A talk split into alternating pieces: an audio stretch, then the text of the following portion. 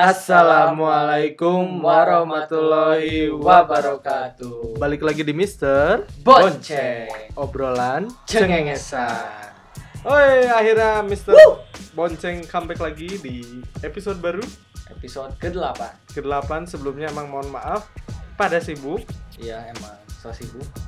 nggak emang sibuk sih sebenarnya karena lagi pergantian semester kan Iya. terus emang lagi lagi banyak inilah terus susah ketemu kan kita berdua tuh Ya, walaupun tiap minggu ketemu tapi gak bisa Hmm. rekaman. ya betul. Sulit waktunya. sulit waktunya Sulit banget.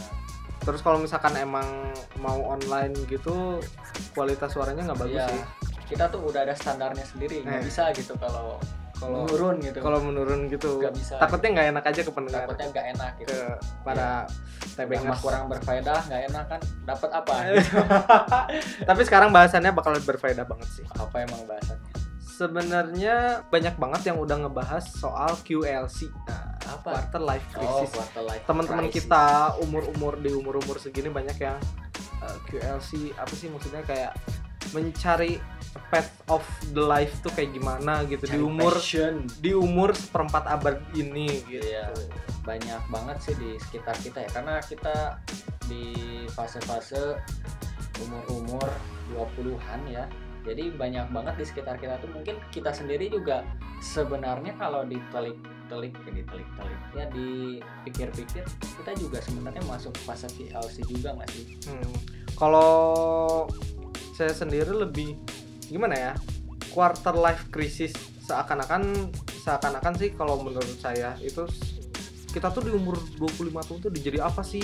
Terus kayak kita tuh mau jadi apa? Kita tuh kayak terlalu membebani diri dengan krisis yang sebenarnya ya eh, mau nggak mau emang harus dijalani gitu. Iya, Tap- betul. Nggak usah nggak usah kayak terlalu mikir dibawa pusing gitu kayak Hmm, kan banyak tuh orang yang kayak gitu maksudnya bukan bukan menyepelekan masalah orang lain tapi kita semua punya masalah masing-masing terus eh, masalah tentang kita mau jadi apa dan lain sebagainya itu kan sebenarnya solusinya juga dari diri kita sendiri kan kalau Iya. dari diri kita sendiri selalu me- menggunakan QLC sebagai alasan kayak misalkan gue lagi QLC nih pusing gini Hmm. bla bla bla bla dan lain sebagainya dan dia tidak melakukan apa-apa sebuah solusi yang konkret itu wah I don't give a fuck sih kayaknya kayak oh. fuck off gitu. Kayak- kayak QLC itu nyari solusi sebenarnya. Bukan Iya. nyari masalah gitu. PLC itu fenomena. Untuk iya. Bisa disebut mencari jati diri gitu kan iya. Mencari kalau yang aku pahami itu PLC itu idealisme tinggi. Ya terus mungkin ada faktor finansial. Kekurangan duit biasanya dia jadi jadi misalnya kan umur mikir 20-an gitu. gini tuh Ya. biasanya kalau ada yang baru lulus kuliah atau udah kerjanya lama dia tuh biasanya PLC tuh dia kekurangan uang atau enggak dia nggak puas sama pekerjaannya atau enggak Iya, dia nggak dengan puas sama finansial dengan finansialnya dia Iya. nggak puas gitu atau enggak dia punya pekerjaannya atau teman-teman dia punya relasi yang toksik dia pengen mencari ya. jati diri baru Betul. mencari teman baru. Yang teman yang sebenarnya tuh temen yang gimana sih? Atau enggak dia karirnya dia udah mentok nih dia ngerasa udah mentok. Hmm, kayak betul. Aku udah mentok tapi kok aku nggak bahagia ya? Ini kayaknya bukan passion aku deh. Nah nah itu juga. itu juga. Dan di hal-hal lain yang pernah aku baca juga TLC itu terpengaruh juga tekanan orang tua. Kayak misalnya dulu orang tuanya kokoh banget nih sama suatu adat istiadat misalnya eh, tradisional banget atau apa ya leluhur banget atau gimana gitu ya kayak anak lebih ke kayak gini sih misalnya ayahnya dokter Hmm. tapi anaknya tuh misalkan dia punya kesenangan di bidang lain kayak misalnya dia suka musik oh iya tapi ditekankan ya. sama orang tua buat Kamu dia jadi dokter, dokter, gitu ya. misalkan gitu itu kan itu kan sebuah tekanan ya Tekanan. terus ketika di umur 25 tahun mungkin dia baru mikir tuh ketika dia ngikutin permohonan orang tua buat jadi dokter udah belajar udah udah mau lulus dan lain sebagainya Hmm. dia baru mikir bahwa wah ternyata nggak enjoy gue hidup kayak gini enjoy, nggak gitu. gitu. Terus dia tiba-tiba memproyeksikan dirinya berpuluh-puluh tahun ke depan kayaknya gua kalau gini terus gua bakal tersiksa. Ya betul. Ya pokoknya banyak banget sih faktor banyak ini. banyak banget sih faktor emang nggak bisa dilihat dari perspektif satu sudut aja ya gitu. karena maksudnya setiap orang punya bukan masa Punya masalah punya punya. QLC di di bagian masing-masing gitu. Ada di yang oh iya QLC Berat- karena lebih berat di mana lebih berat di mana kayak ada orang QLC karena tadi kan karena duit, karena orang tua, karena apa dan Hmm. lain sebagainya gitu. Kalau Dari merasa lagi kiol sih nggak eh sebenarnya QLC nggak terlalu dipikirkan sih. Anjay. Kayak kayak dipikirkan sih kayak orang-orang kayak QLC gue udah jadi apa nih di umur 25 tahun sebenarnya kunci kunci dari QLC itu kita harus selalu lihat ke bawah maksud dari lihat ke bawah adalah Bersyukur. Nah, kita harus selalu Hmm. bersyukur. Maksudnya dalam artian bukan masalah tidak termotivasi untuk menjadi yang lebih baik, bukan. Hmm.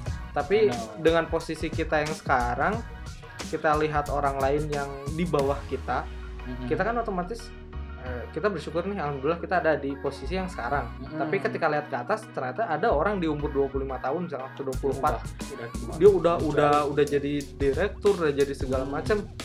Ya, jadi kita perlu lihat ke bawah untuk eh, bersyukur dalam artian kita tidak putus asa dengan dengan kita yang emang stuck di sini Start misalkan. di sini kita di sini tuh kita Iya, kita bukan stuck sebenarnya. Kita kita lagi diem di tengah, misalkan kita lihat ke bawah, oh masih ada yang lebih bawah, tapi bukan berarti kita harus diem di sini.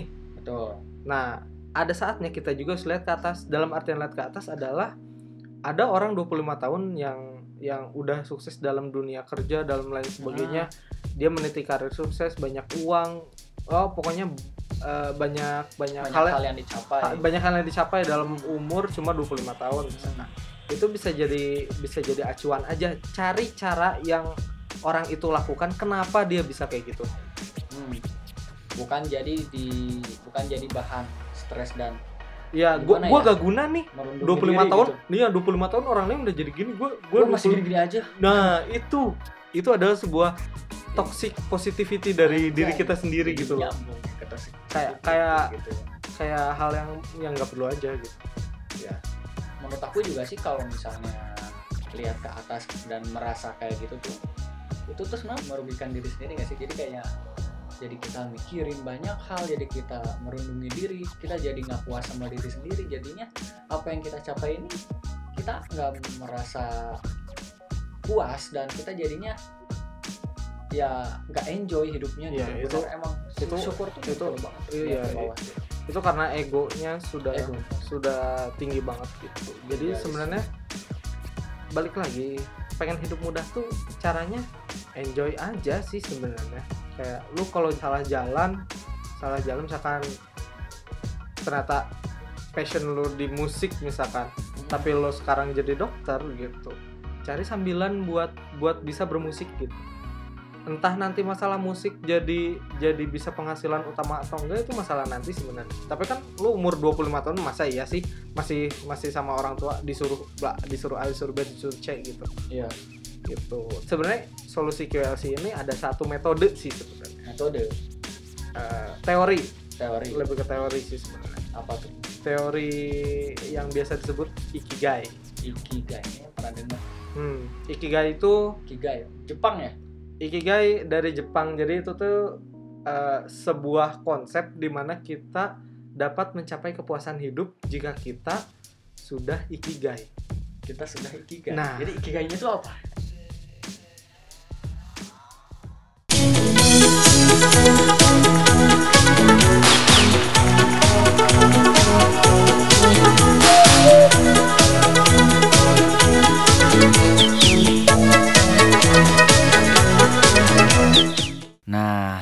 Pada penasaran banget kan sama kelanjutannya. Jadi untuk kalian para tebengers tetap stay tune ya di Mr. Bonceng Podcast. Bye.